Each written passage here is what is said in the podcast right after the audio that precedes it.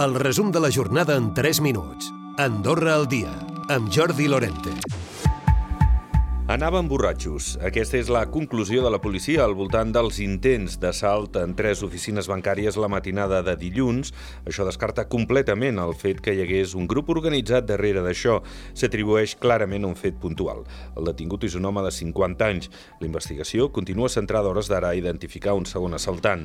Els veïns del bloc desallotjat de l'Avinguda Santa Coloma ja han pogut tornar a casa després de rebre el vistiplau dels tècnics del Comú. En parlaven el cònsol menor d'Andorra la Vella, David Astrier, i el propietari del bloc afectat, Josep Palmitjavila. El més important, com deia, ja està fet, que són els fonaments i les esquerdes majors que hi havia en el partit d'entrada. Si hi ha algun petit arreglo, que segur que hi ha un petit arreglo, perquè ho acabem de veure, doncs ara ja veurem. Després doncs, ja vindran doncs, aquests estudis que faran els tècnics per detectar quin és l'origen d'aquests moviments. El més aviat que es pugui fer, eh? això no, eh, ja els estic posant la pressió a tothom, com més aviat, i si, ja, tot això es farà, no, no cal patir.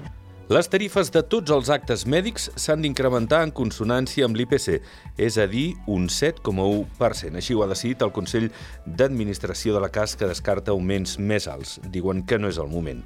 En parla el representant dels pensionistes, el Consell d'Administració de la CAS, Jacint Risco. Nosaltres creiem que totes les tarifes dels prestadors de serveis de la de la Seguretat Social han de tindre la mateixa pujada que ha de ser igual a l'IPC. No és el moment adequat de demanar una pujada molt important de les tarifes. Però per què?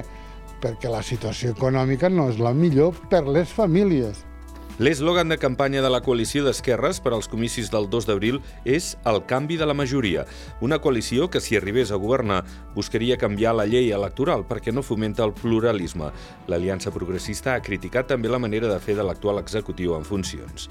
I mentre mig miler de persones han demanat el vot per correu a les eleccions generals, sobretot des d'Espanya i França, però també de llocs com ara Portugal, Regne Unit, Noruega o els Estats Units d'Amèrica. L'ocupació hotelera al cap de setmana de Carnaval va fregar el 93%, recuperant la normalitat amb xifres abans de la pandèmia. Entre setmanes va arribar a tenir el 89% dels llits ocupats. Enguany s'han recuperat les vendes a turistes internacionals com els britànics i grups escolars.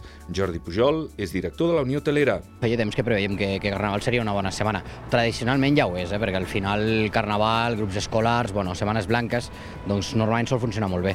Però sí que és veritat que després de la pandèmia l'any passat potser no va ser del tot normal encara la, la temporada de Carnaval per això, no? pel tema dels grups escolars, que s'ha de contractar amb molta antelació, i aquest any hem vist que ha tornat a pujar això.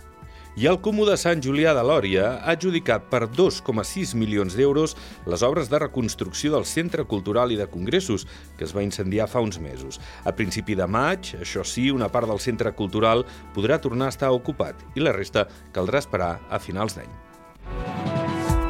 Recupera el resum de la jornada cada dia a AndorraDifusió.d i a les plataformes de podcast.